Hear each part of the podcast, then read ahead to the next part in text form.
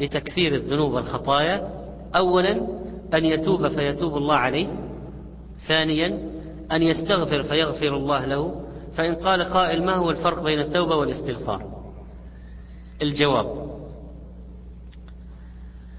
التوبة التوبة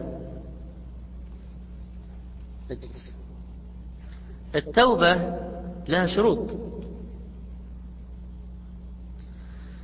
إذا تحققت محي الذنب قطعا. التائب من الذنب كمن لا ذنب له. الاستغفار أن تطلب المغفرة من الله لكن ما صار عندك شروط تحقيق شروط التوبة. فقد يستجيب لك وقد لا يستجيب. لو واحد يعني قال ممكن يحصل استغفار من غير توبة نقول نعم. واحد أذنب وطلب المغفرة لكن ما وصل أمره إلى تحقيق شروط التوبة العزم على عدم العودة ما حصل. يمكن قد يكون عنده اتجاه لفعلها مستقبلا.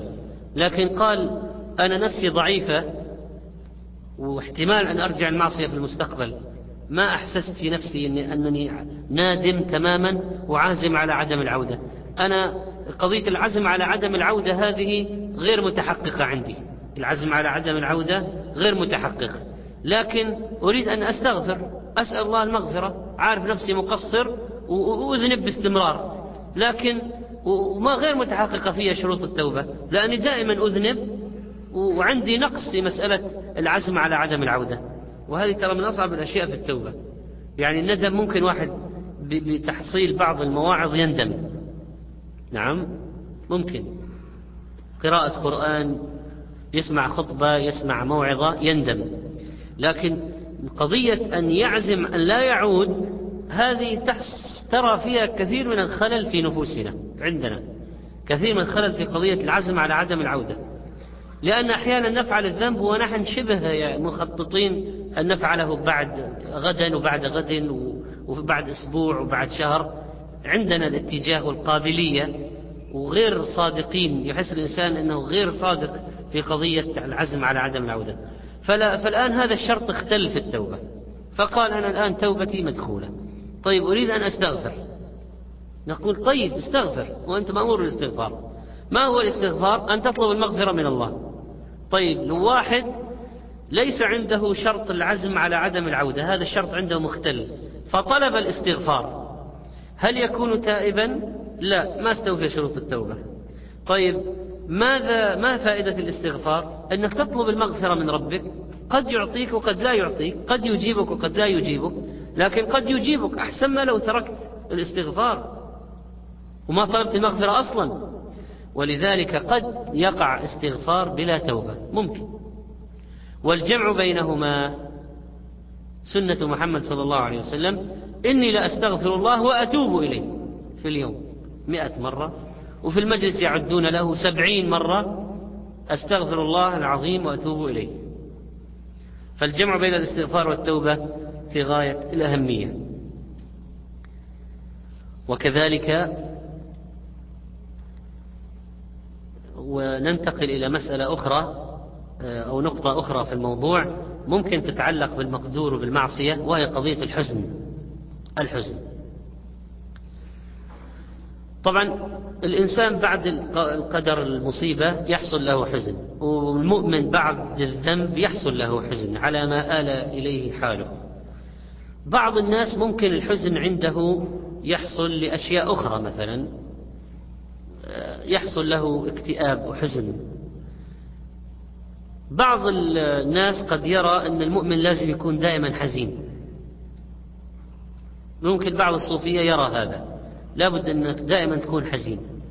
حتى تكون مستقيم لابد أن تحزن دائما. يرى شكلك حزين وحالك حزين لابد فما هو الموقف من الحزن؟ ما هو الموقف الشرعي من الحزن؟ الحزن لسنا مأمورين به شرعا. لسنا مأمورين بالحزن شرعا. وإذا ما كان فيه اعتراض على الله وليس فيه ما يكرهه الله معفو عنه.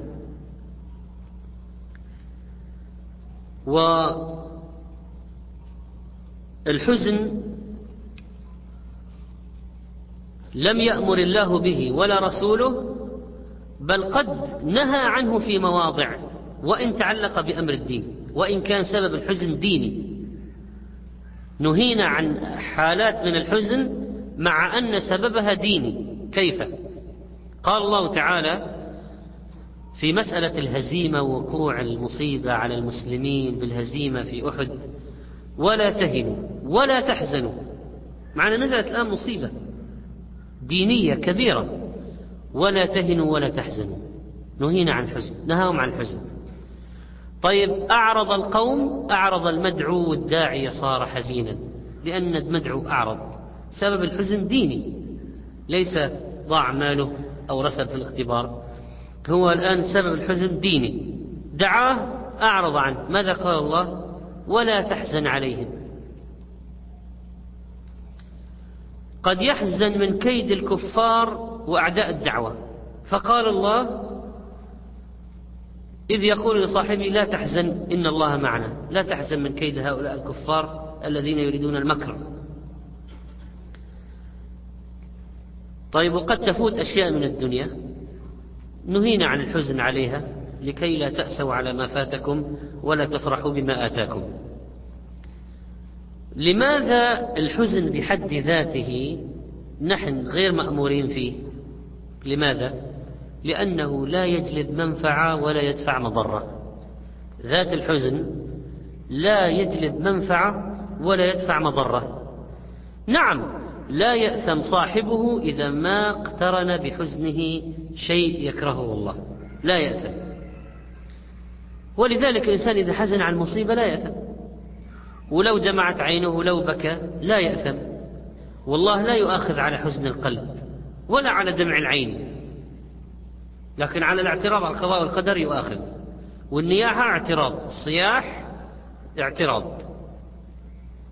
يعقوب أصابه حزن لفقد ولده وابيضت عيناه من الحزن فهو كظيم.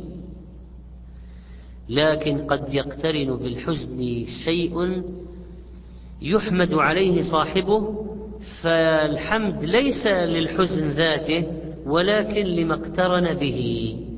كمن حزن على مصائب المسلمين. واحد يسمع الأخبار يرى القصف على المسلمين في فلسطين اقتحام مخيماتهم هدم بيوتهم تشريد عوائلهم نهب ممتلكاتهم إزالة جرف أشجارهم تكسير طرقاتهم عزل عزلهم عن أقاربهم قتلى فيهم وجرحى أيتام ورامل مصايب عظيمة.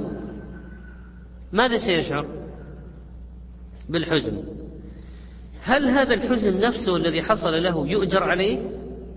لا لكن يؤجر على شيء اقترن بالحزن وهو أنه لي لي أجل إخوانه المسلمين. أنه حزن لأجل إخوان المسلمين. فالأجر يحصل على أنه لأجل إخوان المسلمين وليس على ذات الحزن نفسه. وليس على نفس الحزن ولا على ذات الحزن. لكن الحزن إذا أفضى إلى ترك مأمور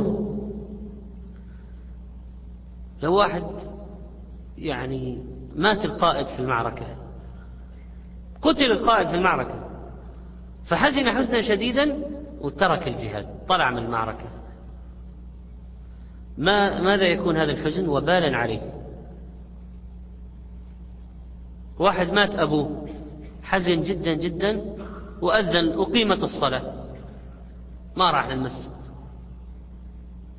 ليه؟ قال من الحزن. هذا حزن إذا كان الحزن أدى يؤدي لترك واجب فيمكن أن يكون وبالا على صاحبه. إذا عرفنا الآن موقف من الحزن بالذات ونهينا عنه في مواضع و أنه قد يقترن به ما يؤجر عليه الإنسان لا لذات الحزن ولكن لما اقترن به وقد يقترن به ما يؤدي الوقوع في الحرام فيأثم الإنسان لأجل أنه أدى حزنه إلى ترك واجب أو فعل محرم كالنياحة.